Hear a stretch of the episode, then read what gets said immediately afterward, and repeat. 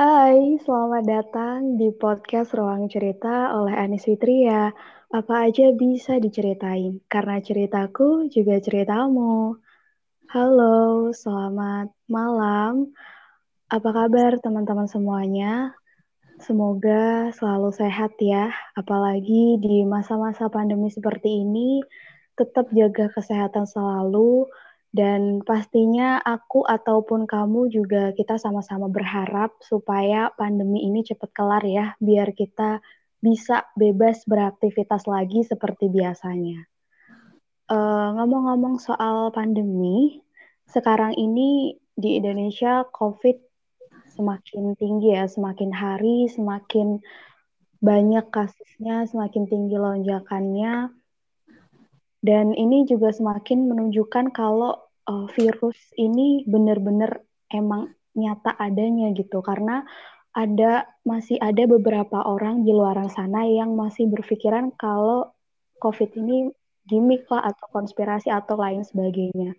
Padahal banyak sekali orang-orang yang emang udah mengalami gitu. So, pada episode kali ini aku akan uh, ngobrol bareng seseorang yang emang punya pengalaman keluarganya pernah terpapar virus COVID-19. Oke, langsung aja kita undang buat ngobrol bareng ke sini ya. Halo. Halo, selamat malam. Halo, selamat malam Mas Yuda. Iya, terima kasih untuk Anis dan teman-teman Ruang Cerita. Oke, selamat datang ya di podcast Ruang Cerita. Ini pertama kali ya, first time. Ya, pertama kalinya ngobrol di podcast. Oke, nah jadi Mas Yuda ini adalah salah satu teman kuliah aku, lebih tepatnya kakak tingkat di perkuliahan ya, karena aku semester, eh ini semester 4, Mas Yuda udah semester akhir ya, menuju ya. ke skripsi. Kayaknya lagi ngerjain skripsi juga ya? Lagi ngerjain skripsi tapi sempat terhambat karena kasus COVID ini. Jadi pikiran ke bagi dua dan ya udah akhirnya stop dulu skripsinya. Oke ya, semangat ngerjain skripsinya dan semoga lancar sampai sidang dan wisuda nantinya. Amin, amin ya Allah. Amin. Oke, BTW kita kita kenal tuh udah berapa lama sih, Mas? Kayaknya baru ya. Kenal itu udah dari tahun 2019. Oh iya, aku pas semester satu. Iya, dari awal semester satu berarti nyampe sekarang dua tahunan lah ya. Dua tahunan, ya. Udah lumayan lah, udah lumayan lama juga.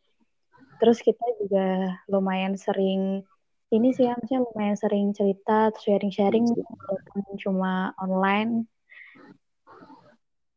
Ya, Karena ya, walaupun, kita ya. jarang ketemu ya. Jarang banget ketemu terakhir terakhir ketemu pas kapan sih itu? Terakhir ketemu itu bulan Januari tanggal 28 kalau nggak salah. Itu pas udah... kita janjian ke radio. Oh iya iya, aku udah lupa banget. Pokoknya seingatku, iya udah pokoknya seingatku itu awal tahun, udah lama banget. Lumayan. Nah, jadi Mas Denny dia di rumah ya, di Bekasi. Aku di Boyolali, jadi kita jauh. Ya, semoga nanti bisa dipertemukan lagi di lain kesempatan. Amin, amin. Dalam keadaan sehat ya. Itu yang nomor satu. Oke, jadi gini Mas, aku tuh kepikiran banget ya, karena sekarang-sekarang ini hmm, di lingkungan kita itu COVID lagi ngelonjak banget ya, lagi ya. tinggi semakin tinggi kasusnya, dan aku pengen banget ngajak teman-teman buat ayolah bareng-bareng kita uh, tingkatin kewaspadaan juga terus hati-hati lah akan situasi dan kondisi sekarang ini. Tapi aku nggak punya apa ya nggak punya pengetahuan lebih tentang itu gitu. Jadi uh, aku ajak Mas Yuda buat ngobrol di sini buat sharing-sharing karena beberapa hari lalu sampai sekarang aku baca di IGS-nya instastory di Instagramnya punya Mas Yuda itu kan cerita tentang pengalamannya pernah uh, ini ya keluarganya pernah sempat terpapar virus COVID juga. Jadi harapannya sih nanti biar teman-teman juga bisa dijadikan pembelajaran gitu. Oke. Uh, Oke okay deh, kita mulai aja langsung. Mungkin pertama, aku juga penasaran juga sih ceritanya tuh gimana gitu. Karena kalau di Instastory aja kan kurang apa ya, kurang puas gitu rasanya kalau cuma baca di situ.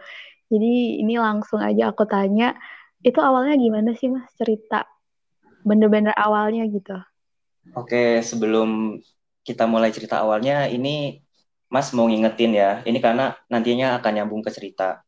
Okay. Jadi yang pertama, uh, dalam menghadapi COVID ini kita nggak boleh yang namanya parno, kita nggak boleh yang namanya stamina atau uh, fitnya badan itu sampai turun dan kita jangan sampai meremehkan COVID.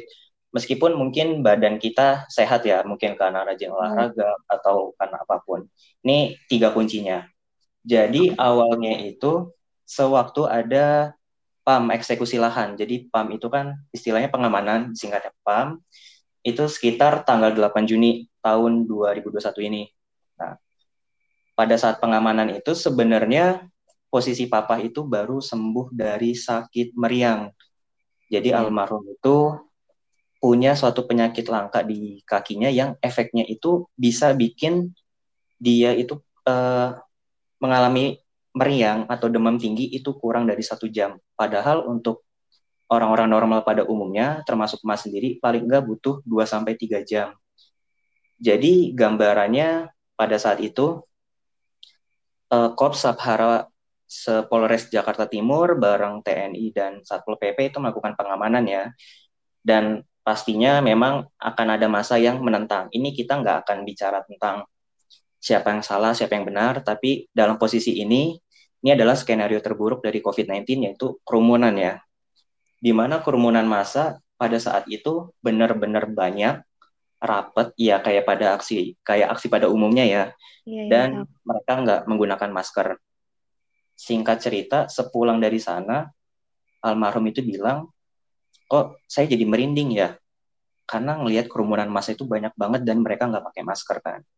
Terus sama mama cuma diingetin ya udah istighfar aja berdoa semoga nggak terjadi apa-apa Terus sekitar tanggal 10 Juni ini dua hari setelah aksi, Papa itu kembali sakit. Jadi sebelumnya di bulan Mei, akhir bulan, Papa itu sakit. Seperti yang dibilang, dia kalau kecapean sedikit atau masuk angin, dia langsung ngedrop, langsung jatuh. Dalam artian itu demamnya langsung tinggi. Dan itu berlangsung selama tiga hari dalam standar medis yang Mas tahu, kalau udah tiga hari kan memang harus dibawa ke rumah sakit.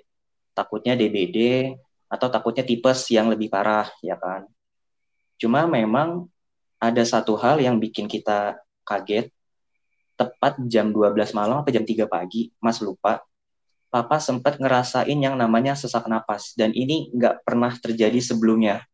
Karena kita nggak ada yang punya riwayat asma.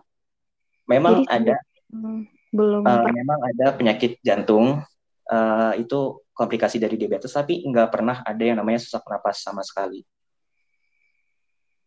Oke. Okay.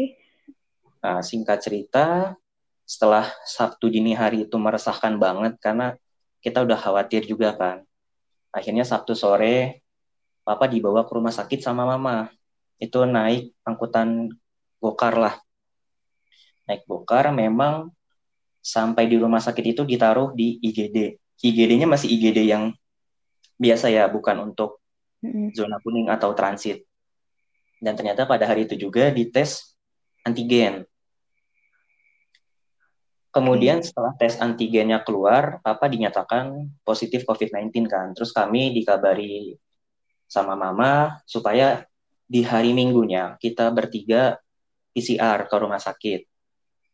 Terus mm-hmm. di situ sempat nggak percaya karena di tahun 2020 di bulan April, Mas masih ingat banget, Papa juga sakit yang sama, meriangnya sama, pokoknya sama semua kecuali sesak napasnya itu kan.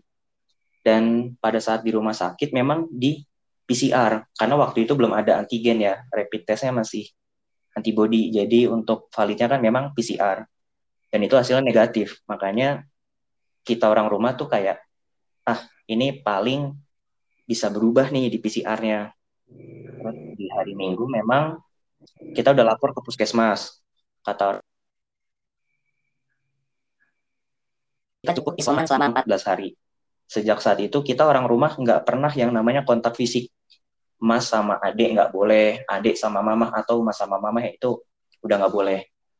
Dan di hari minggu itu juga hasil PCR yang keluar kalau nggak salah minggu malam deh karena kita dikasih tahu hari Senin apa positif COVID-19 jadi ini yang bikin kaget sih karena kok bisa? Karena selama ini dari awal corona sampai detik kemarin maksudnya kan polisi itu kan nggak pernah ada yang namanya WFH dia kalau misalnya ada aksi ya tetap jaganya rapet atau ya tetap kerja pada umumnya kan. Dan alhamdulillah nggak pernah yang namanya kena covid kan terus berpikir ini kenapa sih kok bisa di covid kan gitu awalnya kita akhirnya mencoba pakai stigma orang-orang yang selama ini nggak percaya COVID kok di COVID kan sih gitu kan. Oke okay, oke okay. jadi awalnya awalnya nggak percaya ya kalau uh, papa positif gitu.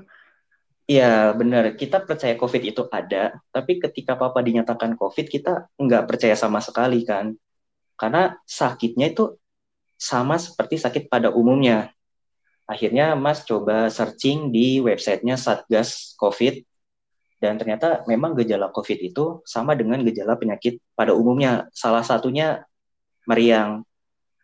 Cuman uh, yang bikin Mas agak sedikit tenang tuh berpikir biasanya kalau udah dirawat di rumah sakit kisaran 2 sampai 3 hari kesehatannya uh, biasanya membaik. Selalu seperti itu. Butuh 2 sampai 3 hari kan. Dan memang kebiasaan papa ketika sakit mau di rumah di rumah sakit dia makannya sedikit banget. Oke oke, uh, jadi tadi yang positif itu yang pertama kan papanya Mas Yuda kan? Iya. Terus uh, mama belum mama? Mama itu awalnya belum, tapi di hari ketiga kita isoman, dia ngerasain cepet capek, cepet ngantuk. Beda dari biasanya kan. Akhirnya di hari Rabu tanggal 16 Juni, ini hari hari keempat kita isoman, kita sekeluarga diajak rapid test antigen ke puskesmas dan hasilnya mama dinyatakan positif dan Mas sama Adel dinyatakan alhamdulillahnya negatif. Oh, jadi pas pas nganterin papa ke rumah sakit kan apa positif nih. Iya. Terus nih mamanya Mas Yuda pulang, pulang dulu ya itu ya? Atau Iya, pulang dulu karena diisolasi kan, jadi nggak bisa ditungguin. Oke, Kalau jadi sakit biasa kan hari, minat, uh, ya. Beberapa hari kemudian baru melakukan tes bertiga gitu ya? Iya. Dan itu pun kita dikasih empat obat sama puskesmas, tapi yang ada itu cuma dua.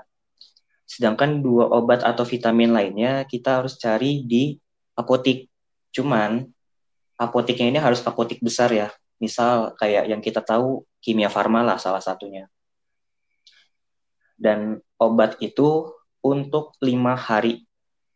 Lima hari dengan catatan konsum konsumsinya dua kali sehari itu habis sekitar hampir 300 ribu. Wow, oke. Okay. Nah, terus pada tanggal 17-nya keesokan harinya, papa nelpon lewat WhatsApp kan ya seperti biasa basa-basi orang tua ke anaknya nanya kabar. Terus nah, adik nah, ini gimana? Sisi, ini Mbak Sisi uh, udah tes belum? Tadi bertiga udah tes ya? Udah kita sehari kemudian ditelepon sama papa kan. Uh. terus posisi juga apa itu belum pakai alat bantu apa pun. Masih okay. pakai info saja kan. Cuma ada satu pesan yang mas pikir kok kayaknya agak berlebihan. Apa itu pesannya sebelum telepon dimatiin ya, tolong hmm. jaga mama sama Adel di rumah. Mikir kan, hmm. ya mas kan di rumah, nggak akan ke mana-mana kan, karena memang kita isoman. Jadi tanpa diminta pun udah pasti bakal mas lakuin kan. Cuma yang jadi pikiran mas, kok sempet-sempetnya sih mikir kayak gitu awalnya. Oh iya sih, ya mungkin uh, mungkin kalau pada saat itu bisa mikir positif sih, ya oh mungkin uh, papa karena dia di rumah sakit ya jadi anaknya nggak ada yang jagain sama mamanya di rumah ya mungkin itu kayak gitu perasaannya. Ya, itu bisa sih kalau kita oh. berpikir tenang.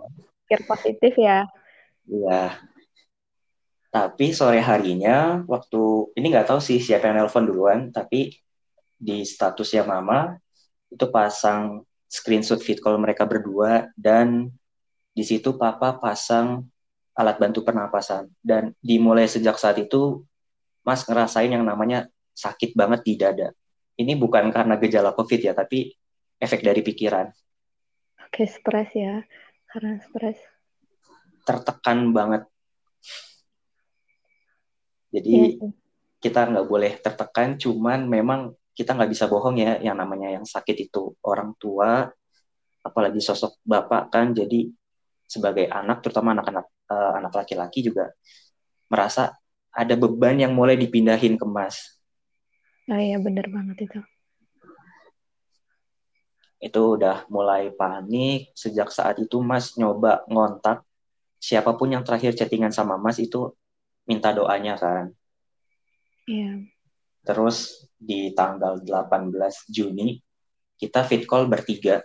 Itu posisi papa masih pakai alat bantu oksigen. Jadi saturasi oksigennya pada saat dipasang di hari Kamis, ini malam Jumat berarti itu 50%. Menurut medis, ilmu medis katanya minimal itu 93 sampai 94% dengan catatan tanpa alat bantu. Jadi pada saat fit call bertiga, itu papa nggak boleh yang namanya ngomong. Meskipun ngomongnya udah uh, seperti biasa, cuma memang kita ngelihat di situ papa itu udah kurus banget beda dari sebelum dia dibawa ke rumah sakit. Oke. Okay.